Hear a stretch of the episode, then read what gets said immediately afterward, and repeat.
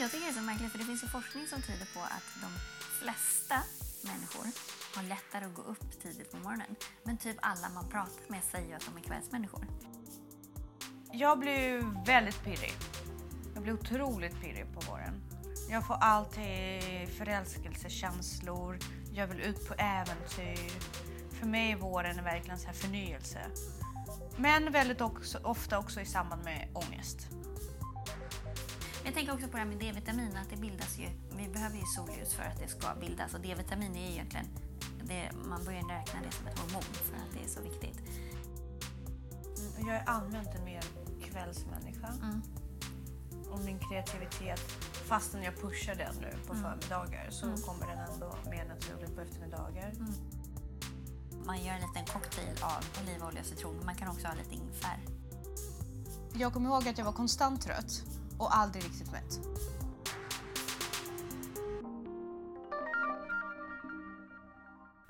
Hej, Hej! har du landat? Ja, verkligen. Nu känns det jätteskönt. Jag har Ja. haft världens mest hektiska eftermiddag. Men du har verkligen gett mig mina 15 minuter att landa lite tycker jag.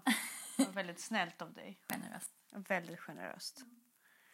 Jag åt ju gröt. Ja, usch. Till mellis.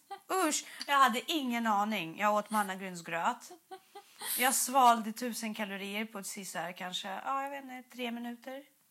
Och eh, jag är så snopen för jag tog reda på att det var ungefär tusen kalorier efterhand.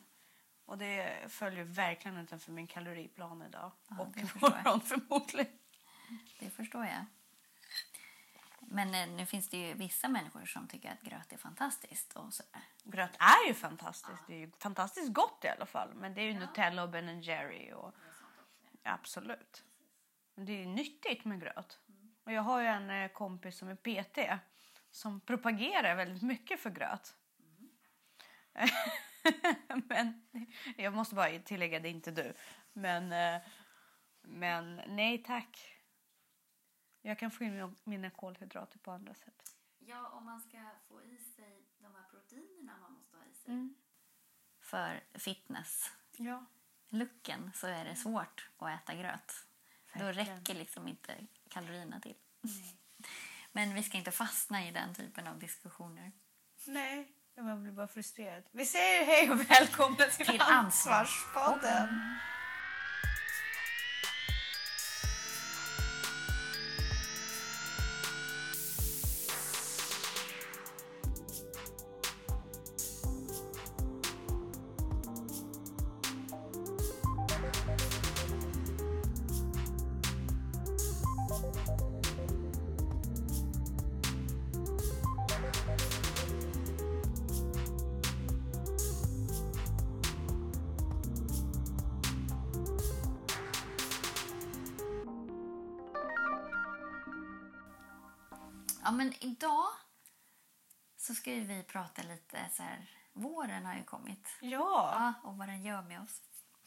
Det är fantastiskt att få höra. Ja. Vad gör den med Men hur blir du påverkad av våren? Jag blir väldigt pirrig. Jag blir otroligt pirrig på våren. Jag får alltid förälskelsekänslor. Jag vill ut på äventyr. För mig är våren verkligen så här förnyelse. Men väldigt också, ofta också i samband med ångest. För ju högre man kommer, desto djupare faller man. Därför att där kommer också besvikelsen. Vad gör jag med mitt liv? Varför händer inte saker? Och bla bla bla. Precis. Så att, ja, lite där i min vår. Själv? Jo, men jag tycker man får lite sådär energi. Eh, att man vill liksom rensa ut på något vis. Att det så här. Men sen så påverkas ju vi också hur, av naturen, hur den reagerar. Att liksom knoppar slår ut och liksom det börjar spira saker, det händer. Eh, och sen att ljuset kommer tillbaka, det påverkar ju våra hormoner. Ja. Eh, Men där kan det också, det finns ju två olika typer av depressioner kopplat till ljus. Dels den depressionen, höstdepressionen. Men sen har du ju vårdepressionen också när det blir som en chock. Ja. Eh, så att, men ju ljusare det blir desto bättre ska vi ju må. Eh, rent naturligt. Eh, men, men den här spirande grönskan och så gör ju att vi känner oss piggare. Och det finns ju studier som har visat att man, liksom, man dras ut i naturen och man mår, det blir så här, eh, positiv spiral. Naturligt liksom. Mm. Man ser ju jättemycket på barnen i skolan. Sen gör ju vårt klimat också att vi är så vana att ha det mörkt och sådär så att det blir verkligen kontrasten som gör att vi... Ja. Jag tycker att FOMO slår in väldigt mycket på Ja. barnen. Fear of missing out. Ja. Därför att när det är ljust ute då har man ju en sån naturlig Ja, känsla. av dygnet att, blir längre. ja men precis, om man vill ut och göra saker. Och, Ja, men det är ju så skönt för att klockan sex i november Mm. då känner man ju att dagen är slut. Klockan sex i juli då börjar det då bara. har ju man ju flera timmar kvar. Ja. Men det där är också som du säger det här att man liksom lite ångest också att man ljuset kommer och, och det blir som en backlash kan det Mm. också bli att man, man är glad och lycklig och pirrig och så här så ser man hur ljuset kommer in genom de här skitiga fönstren. här. Exakt. Så. Eh, så att mm, då blir man också medveten om allting som måste göras. Och Ja. det ska vårstädas och det ska rensas och så där. Så att, eh, men det är rätt coolt det där hur ljuset påverkar våra ögon. Eh, att, att det skickas ju signaler till tallkottkörteln som sitter bak i, i hjärnan. Eh, och stänga av tillverkningen av eh, melatonin som är så här Jaha. sömnhormon. Så att man sover ju lite sämre när det är så ljust hela tiden. Så då är det ganska viktigt att man faktiskt drar ner gardiner om man är känslig. Ja. Så att man får sova ordentligt också på sommaren. Eh, och sen så då produceras ju lite mer kortisol istället när, när man inte sover. Så det måste man ju ha lite koll på. Den går Ja, liksom upp i varv och så blir man lite pigg. Det är därför man känner sig piggare också. För mer Därför man blir lite speedad på våren och sommaren. Jag Mm. förstår. Så det var skönt det att du för, förklarar så fysiken bakom saker och ting till mig. För så här, men jag är en sån här människa som blir pigg på våren. Uh, dö, det blir alla. för vår kropp funkar så. Uh, ja, nej, men det är spännande. För jag har en bekant som tar eh, melatonin. Ja. Och eh, hon är väldigt känslig för ljus och allt det där. Och somnar hon inte inom, alltså, jag vet inte, hon brukar säga det är ungefär 30 minuter som melatoninen funkar. Och sen så tar hon ju, hon kan ju ta upp till sju piller. Oj. Jag vet, hon sväljer dem och jag, och jag är alltid så här, men det måste finnas dåliga liksom, Jo, men du kan, just när du gör hormoner så, det kan ju komma i obalans. Och det är det som också händer när, när ljuset kommer som en chock. Så kan ju kroppen hamna i obalans med signalsubstanser som inte hinner anpassa sig och sådär. Eh, och sen också spelar ju faktiskt det här med sommartid roll. Vill du ha sommartid? Nej. Eller jag kan säga så här, jag kan ta vilken tid som helst bara det inte förä- Ja, förändras. bara inte förändras. Men jag tycker om den här tiden som är nu, sommartiden. Alltså jag tycker, jag tycker den är mycket bättre. Ja, jag tycker i och för sig att det är värt mycket. Jag har hellre ljust på morgonen faktiskt än på kvällen. Aha. Nej, så är inte jag. Eh, eftersom jag tränar på morgonen. Mm, Jag är allmänt en mer kvällsmänniska. Mm. Och min kreativitet, fastän jag pushar den nu på Mm. förmiddagar så kommer den ändå mer naturligt på eftermiddagar. Mm. Så att jag försöker ändra mig om men jag märker att jag faller rätt tillbaka till de gamla mönstren. Men jag tycker det är så märkligt för det finns ju forskning som tyder på att de flesta människor har lättare att gå upp tidigt på morgonen. Men typ alla man pratar med säger att de är kvällsmänniskor. Jag känner typ ingen som har lätt att gå upp på morgonen. Nej, alltså jag, det, är, det är fruktansvärt. Fruktansvärt för mig att gå upp på morgonen. Ja. Det är en ren jävla pina. Ja, det är faktiskt jobbigt. Alltså, just det här, ju äldre man blir, desto svårare tycker jag att det blir att gå upp innan man, alltså, om man inte har fått vakna själv. Det är lite motigt faktiskt. Sen så har jag naturligt börjat komma upp mycket tidigare nu för att jag har lärt min kropp att jag ska gå upp fem. Liksom. Så att även när väckarklockan inte är på så går jag ju absolut senast upp vid sju. Vilket är väldigt skönt för det hade jag aldrig gjort för några år sedan. Men det är fortfarande inte klockan fem. Jag går inte upp med tuppen liksom, på det sättet.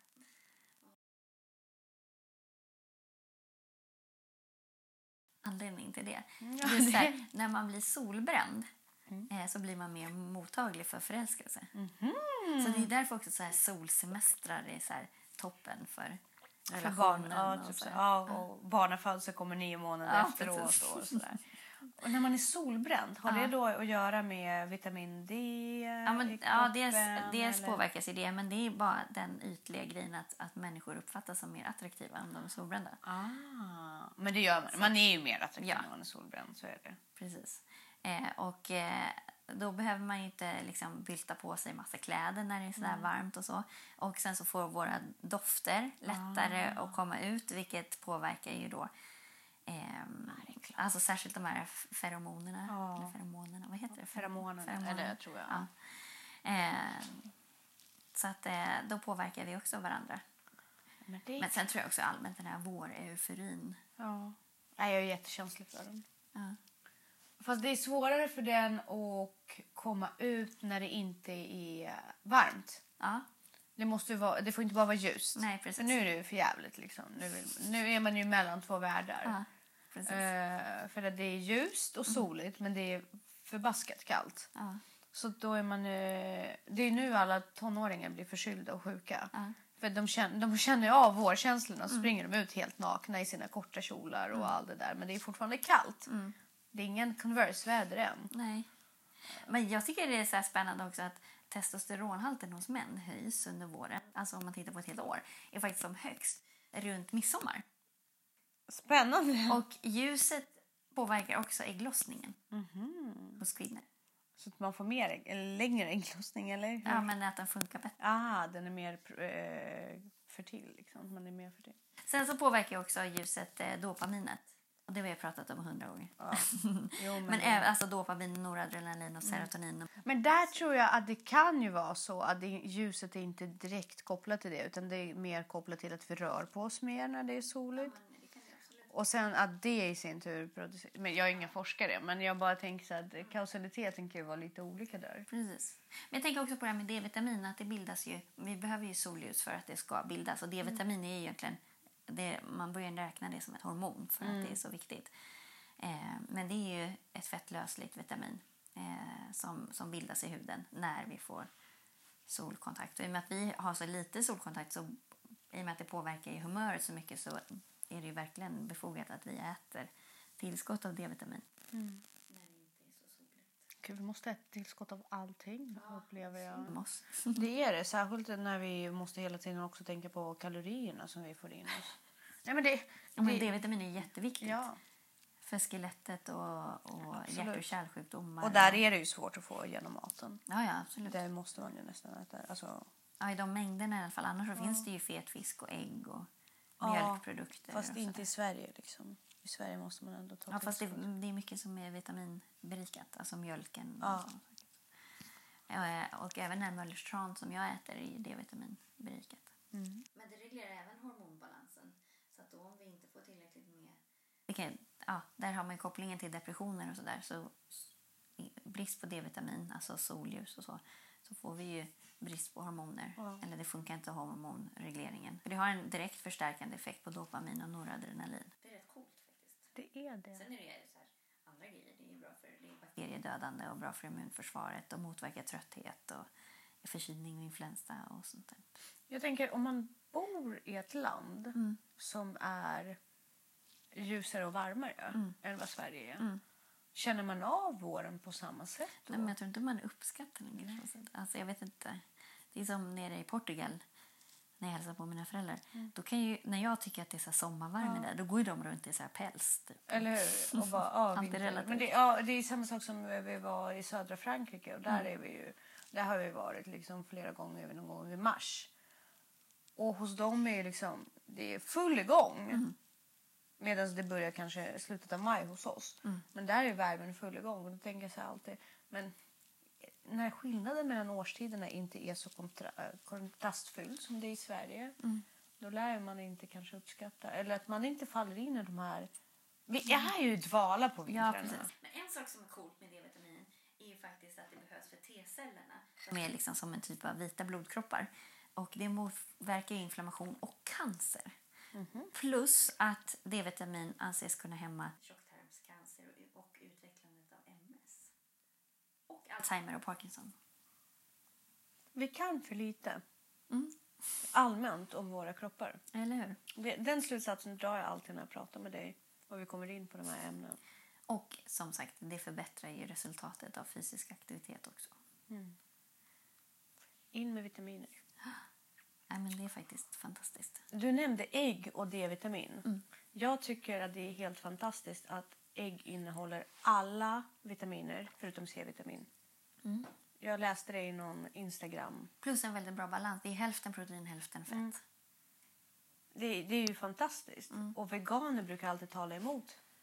Det finns ju någon Ägg. forskning som visar på att ägg på något sätt frisätter någon form av bakterier, ska jag inte säga, men någon form av mikroorganism i blodet som inte ska vara så bra. Jag har inte helt på det klara med vad exakt det där innebär. Fast med all det goda som Ja. jag kommer med. Precis. Lär ju väga upp. Ja. Nej men ägg har alltid liksom, dels har jag alltid fått höra att man ska inte äta för mycket ägg. ja, men det är den här gamla 80-tals kolesterol. Och Precis. kolesterol behöver vi för det är inget farligt med kolesterol på det sättet. Ja, och jämfört med allt annat vi stoppar in oss Ja, idag. ja, liksom. men, men just det här med att veganer går ju väldigt starkt ut emot ägg och säger i princip att det är liksom paketerad död. Men nu faktiskt, en, vår människokropp kan inte funka optimalt på en vegansk eller ens vegetarisk kost. Sen så kan det ju vara så att man inte märker det. Ja. Man kan gå runt med en kropp som funkar till 95% eller 90% och så det är good man enough. att- Liksom, ja. att man inte, ehm, men den, den fungerar inte optimalt. Det jag minns mest från när jag var vegan. Mm.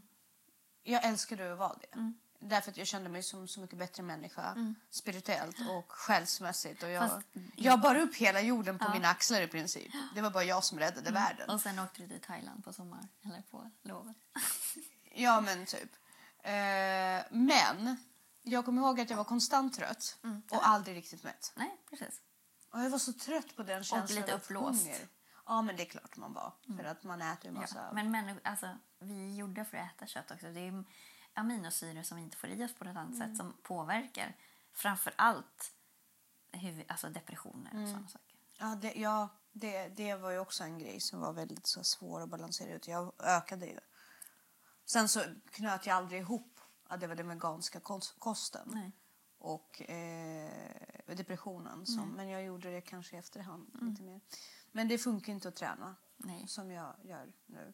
Det Och finns ju vissa vegan. elitidrottare som är veganer men de är extremt få. Men de skulle ju presterat bättre om de inte var veganer. Ja, och sen kanske de har en eh, apparat runt dem Mm. som backar upp den där veganismen på ett helt annat sätt. Alltså nutrition, vad är det? kostläkare och liksom de som ser till att de får i sig, kanske till och med kock eller Mm. dietist som ger råd om vad de ska äta. Jag har ju inte det. Nej. All min tid, skulle, nu går ju liksom 75% av min tid till träning och kost. Mm.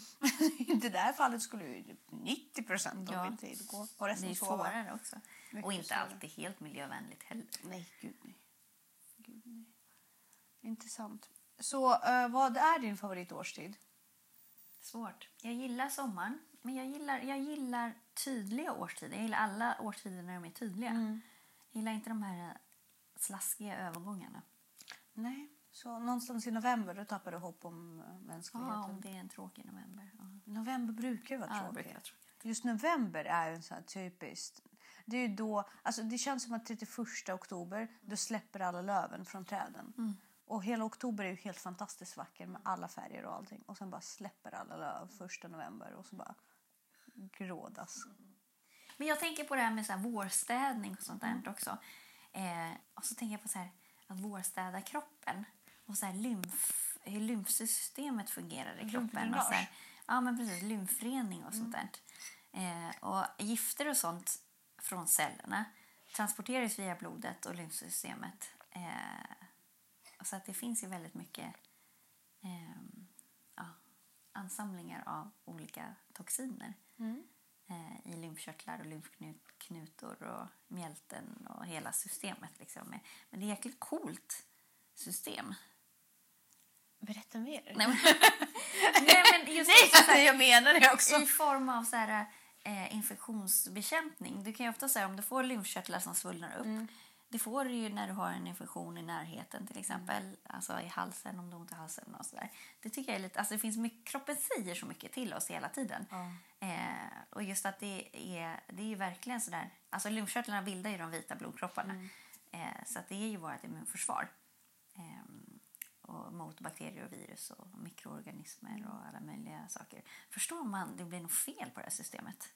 Ja, men det, det, det är ju lite läskigt om det blir- fel på någonting i vårt Ja, system. Alltså, precis. Det är så komplicerat. Det är så komplicerat och det är så sa- samstämt och jag fattar inte egentligen hur vissa människor överlever. Jag fattar inte hur jag överlevde. Alltså, jag fattar verkligen inte.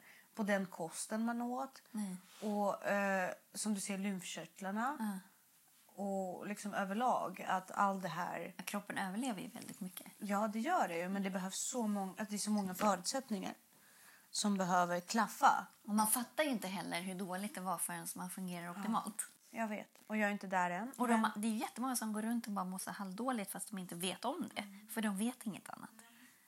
Jag märker nu när jag har slutat röka, nu har det gått en månad sedan jag slutade röka. Mm. Så duktig. Alltså, jag är lite, jag måste säga, Ja. det är faktiskt nog att jag inte har tjatat om det. Men det har gått förvånansvärt lätt, Ja. för det första. Och för det andra, jag är så stolt över mig Jag själv. förstår det. Det är Shit. helt sjukt. Men jag märker ju nu, bara nu efter en månad, maten smakar godare. Och det ser ju alla. Mm. Ja, men lukt och smak. Ja, jag får ju visserligen mer utslag i huden men det är bara för att det är en reningsprocess som Ja, håller på att ske just nu. Men, Ja, men du kanske ska testa det här med rening av lymfan. Hur gör man det? Alltså, tecken på att man har problem med lymfan är, det är väldigt diffusa som allt annat. Liksom. Men så dålig blodcirkulation, plufsig oren hy med så sår och så. Viktproblem, vätskesvullnader, celluliter. Eh, men om man sitter still väldigt mycket eh, så att cirkulationen blir ännu sämre. Eh, och då blir lymfkärlen långsammare för genomströmningen blir sämre. Eh, och sen också att tarmen inte funkar som den ska. Så, alltså det är ju verkligen så här. Jag känner inte igen mig i något just nu. Nej, Måste jag säga. rökning och stress Ja. påverkar ju också lymfsystemet. Och för lite fysisk aktivitet, för lite syre, för lite, eh, att man dricker för lite. Eh, så att, jag känner inte igen mig någonting av det där faktiskt. nej men så då så, så om man försöker liksom, om man gör en sån här detox eller man ska säga, så ska det ju då eh, förbättra avgiftningen av cellernas Mm. Restproduktion. Och det tänker jag är bra för jag kollar ju på det här, alltså den här growing young grejen. Mm. Eh, just det där att få bort döda celler. Ja. Och det prioriterar cellen bort själv om den är stressad eller trött eller inte har tillräckligt med energi. Så då ligger det en massa slaggprodukter och blockar igen överallt. Eh, så det är ju en del av föryngringsprocessen att få bort restprodukterna. Eh, och liksom även främmande celler som tumörceller och sådana saker. Och så får man ju bättre blodcirkulation och bättre ämnesomsättning till cellerna. Alltså du får ju, Det är också det som Growing Young handlar om. Eh, bättre immunförsvar, bättre hy och hår. Eh, Så och vad är så- det magiska medlet? Ja, vi kommer dit Ja, strax. vi kommer. Förlåt. jag, jag är redan så här, jag, eh, just take my money! Ja, nej. jag är där just nu. Nej, Nej, men det men- finns ju massa olika sätt. Dels kan du jobba med huden, alltså så här torrborstning och sådana saker. Att man liksom jobbar i cirkulära Ja, det rörelser mot hjärtat. Och där kan jag också säga att torrborstning, förutom att det är säkert jättebra för lymfan och sådär, så är det fantastiskt för att få en solbränna som håller. Jag torrborstar alltid i ungefär tre månader på vår, alltså hela våren torrborstar jag. Peppar liksom. Ja men verkligen ordentligt. Eh, och sen så smörjer jag in mig. Och jag var eh, på Mallis. Nej, inte Mallis, men, men skitsamma, Marbella. Eh, förra juli. Och jag har fortfarande tenlines. Jaha. Du, du är som Danne. Han är också så här alltid brun. Eh, nej, jag är inte brun, det kan jag inte påstå. Men, men brännan håller i sig ändå så pass mycket att jag kan fortfarande se mina tenlines.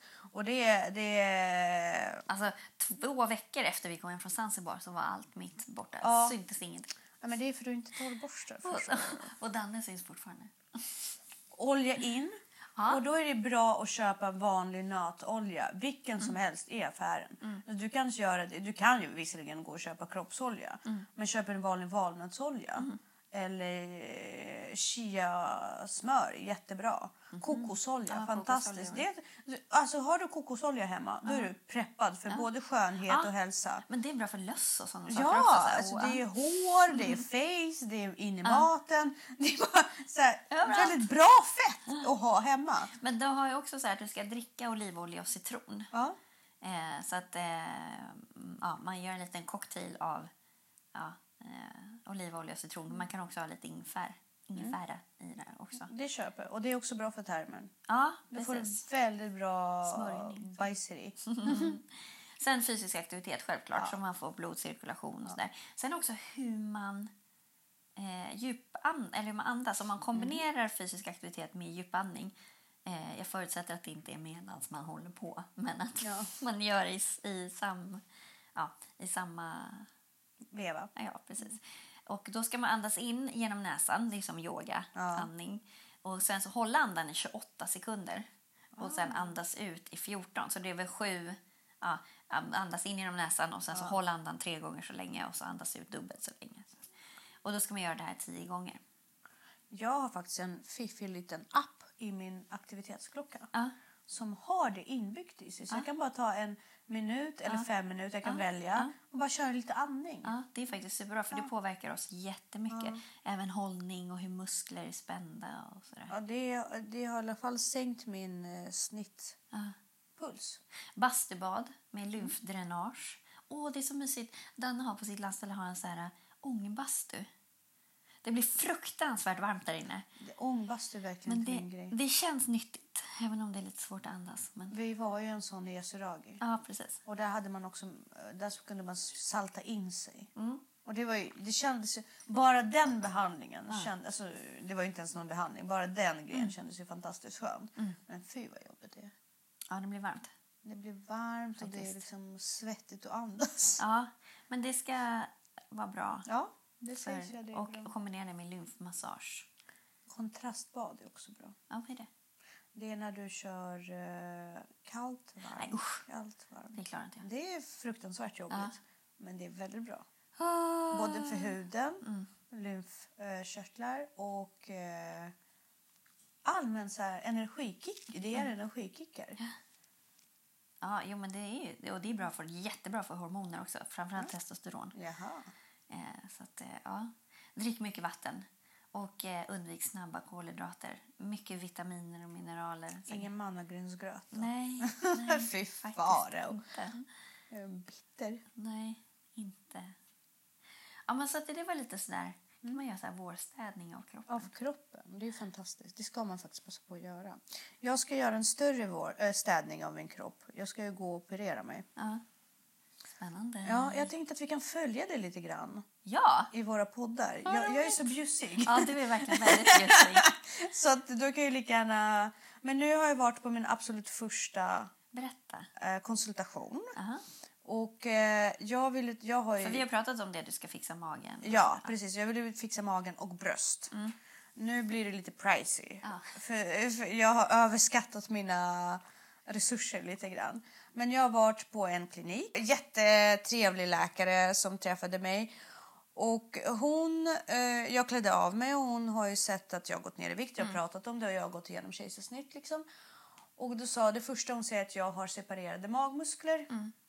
Och det är ju därför jag inte riktigt kan bli så platt som jag... Alltså jag har inte fattat varför jag inte blir platt fastän jag har gått ner i vikt Nej, så precis. mycket. Men det är ju för att mina ab abdominal... Oh, du vet ju Ja, namnet ja. på svenska. Vad heter det? Alltså raka bukmuskler. Ja, raka buk- muskler. Att de har separerat. Mm. Vilket gör att i princip hälften av min tarmsystem Mm. är på väg ut. Så, så fort jag äter en vindruva Mm. så svullnar det ju. Och så putar det ut. Ja. Och jag har ju, Men då har du ganska mycket brock. Liksom, eller brock, eller alltså att det, ja.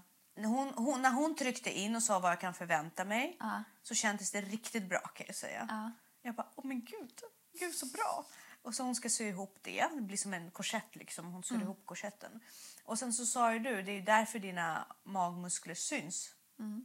så bra vid det här stadiet. För jag, jag har verkligen känt så här, wow. Vilket jag fortfarande känner, Ja, ja. men jag förstår ju liksom nu varför det händer. Så det ska sys ihop. Sen är det massa hud som hänger. Ja. Eh, som ska dras åt och försvinna. Ja. Och min navel som ska flyttas upp. Mm. Och jag har ju en eh, härlig tatuering också från 18 års ålder som ligger precis där man brukar ha eh, blindtarms Okej. är. Ja. Så vi får se vad som händer med den. Nu är det en jättesöt katt. Vi får se vilka delar av den katten är kvar. Ja, eller ryker den eller? Ja, eller om den ryker hela den. Liksom. Jag hoppas ju på det, men vi får se. Men undrar om, nu har inte jag några siffror på det, men jag bara tänkte så här, väldigt många av dem jag känner som har gjort kejsarsnitt har också delade magmuskler. Om, om risken ökar. Eller om det bara hänger ihop med liksom, kanske att man är lite otränad i bukmuskulaturen eller inte kan aktivera den rätt vilket leder till akuta kejsarsnitt. Du tänker de- så. Eh, och Eh. att då ökar risken för delad... Jag spekulerar bara nu. Jag har faktiskt Nu, jag fick akut kejsarsnitt för att jag öppnades inte Nej. På väldigt, väldigt länge. De stimulerade med massa preparat. Så i mitt fall tror jag inte att det hade, att göra med bukmusklerna. Nej, men då är det ju någonting i kopplingen där som inte funkar. Och det kan ju ha med koppling det- till... Alltså i ett vidare... Att jag inte var tränad har ju säkert att göra med att min kropp inte responderade naturligt på en förlo- alltså på förlossningssituation. Man är ju slö och slapp. Vi är inte Ja, skapade precis. för det liksom, längre, tyvärr. Jo, men för att om man... Eh, jag var ju hyfsat vältränad. Eh, har ju varit under mina graviditeter och Mm. mina förlossningar. Eh, och jag har inget spår av en förlossning överhuvudtaget på Det min kropp. ju, det är ju fantastiskt. Verkligen att- applåder. För liksom- att jag kan säga att om jag hade vetat vad Mm. det innebär att vara gravid med min kropp. För jag är så här, men det är så naturligt. Vad kan Mm. hända? Det, oj, oj, oj. Vad det hände saker. Men det där är också roligt när folk bara, men kvinnor föder ju barn, eh, liksom, ja. finns ju de i Afrika, så här, de föder ju barn i en buske liksom, och Ja. sen fortsätter de jobba på åkern. Man bara, mm. Men både barnadödligheten och, och eh, Kvinnodödligheten. kvinnodödligheten är ju något högre. Så att, eh, ja, jo, de gör det, men Ja, men det är inte det bästa de kan göra för att överleva. Nej, och sen en annan sak är också så här, hade jag jobbat på en åker i hela mitt liv, Mm. då hade det säkert enklare att ta en förlossning på ett sätt. Precis. För då hade min kropp varit vältränad. Men eftersom jag satt, suttit framför tv och varit en soffpotatis majoriteten av mitt liv. Men okej, fine, jag har pluggat också. Så är det inte så klart att min kropp kan ta det. nej.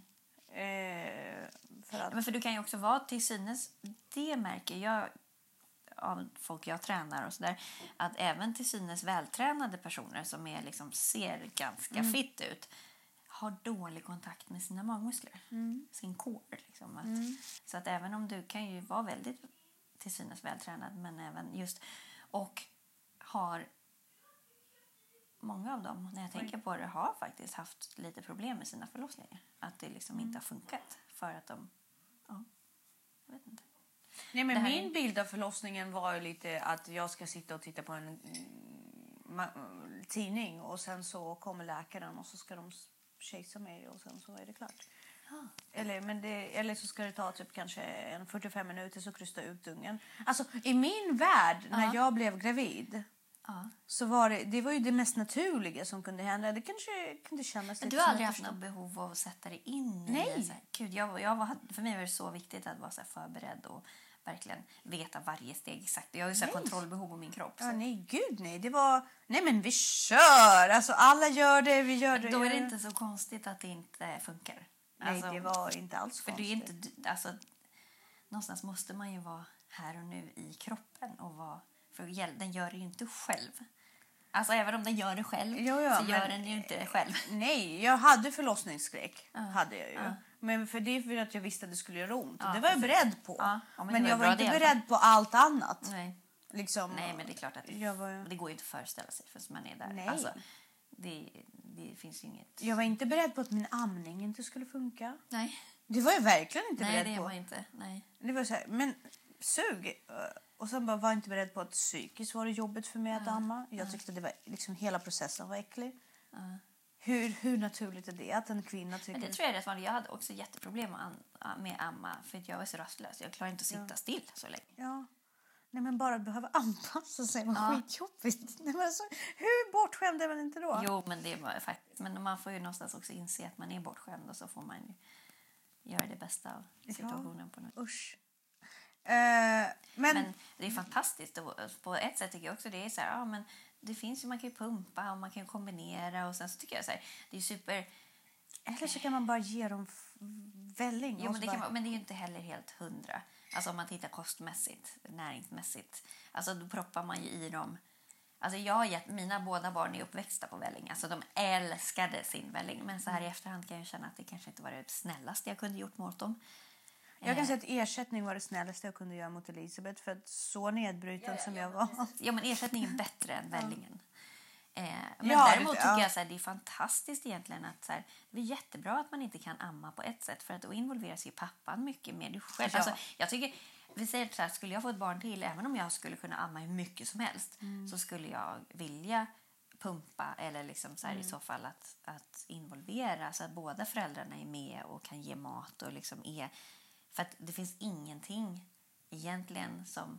Alltså ett barn behöver närhet och behöver näring. Sen om det är mamman eller pappan som ger det, det är Men egalt. där har det varit otrolig win Ja, för min verkligen, familj. ja. Därför att det borde jag vara en har, ju, självklarhet. jag har ju absolut ingen som helst tanke på att jag skulle stå min dotter närmare än vad min man gör. Nej, det är Alltså, helt och det så har det varit från dag Ja. ett.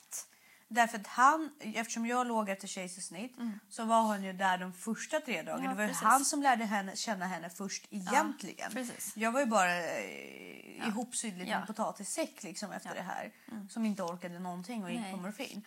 Och sen så just det här med att nattdamningarna, vi var lika trötta. Mm. Eh, det slet på oss lika mycket men det kom, vi gjorde att vi kunde relatera till situationen mycket mer. Också båda två emotionellt. Mm. Så det, alltså om det var någonting vi vann på, på det Mm. så var det just det här att Elisabeth har samma närhet Ja. Mm. till Viktor som hon har till mig och i vissa fall mer för han har mer tålamod. Ja, men där ser man med Hugo, han har aldrig han har varit lika mammig eller pappig. Mm. Liksom. Han har varit helt jämn. Ludde har varit lite mer mammig, men det är för att jag har varit med honom mycket, Mm. mycket, mycket mer. Eh, men, men Hugo, är, där delade vi på föräldraledigheten också Ja. Direkt. Ja. Så vi var hemma liksom halva veckan var och så där. Så han har aldrig prefererat någon framför den andra. Vi delade också på det, men vi delade att jag tog de första sex månaderna. Och då hinner man ju vänja barnet. Vid. Ja. Sen vänjs de ju om då när den andra tar över. Ja, och det, det, den övergången var så naturlig för att ha, hon var så van vid att han både gav henne mat och bytte blöja. Alltså vi gjorde ju saker väldigt jämnt i alla fall. Så där kände jag, nej men det var Ja, men fantastiskt. det är spännande också så här hur anknytning och ja, sådär. Nej men absolut. Alltså, så där, jag, jag skulle nog aldrig ens försöka amma om jag nu skulle få ett till barn. Jag tror, det, det är inte min grej. Jo, jag skulle, jag skulle försöka för jag tror ändå att det finns saker i liksom, mjölken som är bra. Ja, det är Eh, säkert. Men, men jag skulle inte stånga med blod. Alltså jag skulle aldrig, jag skulle inte sitta och amma med blodiga bröstvårtor liksom. Man ska blodig inte f- tvinga fram det. Nej, men det är det inte värt. Nej, men man brukar ju säga det finns här inget- första mjölket. Ja, jag kommer inte ihåg vad den heter nu. Råmjölk. Råmjölk, ja. det är den viktigaste. Och den, ja. Mm, den fick Elisabeth i sig faktiskt. Eh, För att jag gjorde tappra försök att amma de första två veckorna i alla fall. Men eftersom jag var så pumpad med medicin. Ja, då vill man ju inte heller att de ska frysa Nej, jag var, det var ju bitter det mjölk. Jag hade smakat det Ja, själv. men så morfin i mjölk. Ja, morfin i det också. Toppen! Men nu ska det, det bli ihopsydd Ja, för att återkomma Ja, till den här konsultationen. Och eh, lyft och allt kommer bli fantastiskt och platt. Och då, eftersom det blir en tyngre eh, operation, då stannar man ju kvar på sjukhus eller på kliniken i två dygn. Vilket också Mm. När är ska du, har du bokat någon tid? Eller? Ja, Nej. 24 juni. Ja. Så att jag åker in på morgonen, sen stannar jag där måndag, tisdag, onsdag. Uh, det är så här minisemester. och sen så drar jag hem och då har ju mina nära och kära åkt hemifrån i två veckor. Så att jag får helt två veckor, alltså bara... Jag kommer att klättra på väggarna. Det är ju midsommar, så ingen midsommarfirande för dig. Eh, nej men midsommar har redan varit då. Ja, precis. Ja, så det är dagen efter. Eh, nej men jag firar ju ändå inte med alkohol eller Nej, så. nej, nej. Men, Men, eh, och, men, och det kommer bli väldigt snålt med kalorier kan jag säga för det är ingen rörelse. Så jag kan landa på kanske tusen kalorier om dagen. Ah, jag får gud, bara dricka proteinshake i två veckor. herregud vad svårt. Ned, ligga ner i min säng och dricka proteinshake. Ja. Mental utmaning. Å andra sidan, jag har min läsning som har staplat på sig. Ja. Jag har ett annat litet projekt som jag har lovat bort mig på Ja. som jag kan sysselsätta mig med. Precis, du ska göra illustrationer. Precis, jag ska göra lite illustrationer. Så att, eh, ja, jag tror att det kan bli bra i alla fall. Men tuttarna hoppar jag då för att det är ytterligare 75 000. Ja, för då är det ju både implantat och lyft. Ja. Och eh, i dagsläge, ja, jag kan välja det jag tycker är viktigast. Just nu är buken viktigast faktiskt. Det andra är ju ren och skär liksom eh, estetik. Och om jag ska välja mellan praktiskt och estetiskt så måste jag faktiskt Ja, tänka gud. praktiskt Jo, för att också att delade magmuskler påverkar ju funktionen för det påverkar hur du kopplar på muskler. Och hur, Gud, ja. att- hur, Och jag vill ju ha... Alltså, det är ju... Du kommer inte kunna lyfta så tungt om du inte fixar till det. Nej, nej och det, det kan ju slitas ännu mer om Ja. det inte funkar ordentligt. och sådär. Så, nej, där känner jag nej, det, är vikt, det är viktigt att jag, för jag får det praktiska att funka först. Mm. Sen vet man aldrig vad som händer i framtiden, men just nu är det det som, som är. Mm. Så, så ser det ut nu. Så det här kan vi gärna följa sen. Ja, men precis. Du får lägga ut lite före och efterbilder. Ja, jag kommer verkligen göra det, men det kommer jag göra. Eh, Betalar jag liksom 90 000 för ett in- ingrepp, en operation, då vill jag ju verkligen hela världen kommer få se. Jag kommer prata men det om det hela tiden. Ja, men, ja, Men vad kom vi fram till här? Vi ska äta mer D-vitamin. Äta mer D-vitamin. Låt dig inte luras av vårkänslor för det är egentligen din kropp som funkar på det sättet. Så tänk. Det är bra att göra det. Drick mer vatten, träna. Skilj dig inte på våren. Nej. Eller använd energin. Tänk att sova ordentligt bara för att kraschen blir hård annars. Ja, sov ordentligt. Eh, dränera dina lymfer. Ja. Och eh, ja, det är väl det. Och föd inte ute i åkern även om du, Nej, även om du kan. även om du kan. Eh, Nej, usch. Men eh, ska vi säga tack och hej? ja, men det gör vi. Så syns vi nästa vecka. Det gör vi. Bra! Hej då!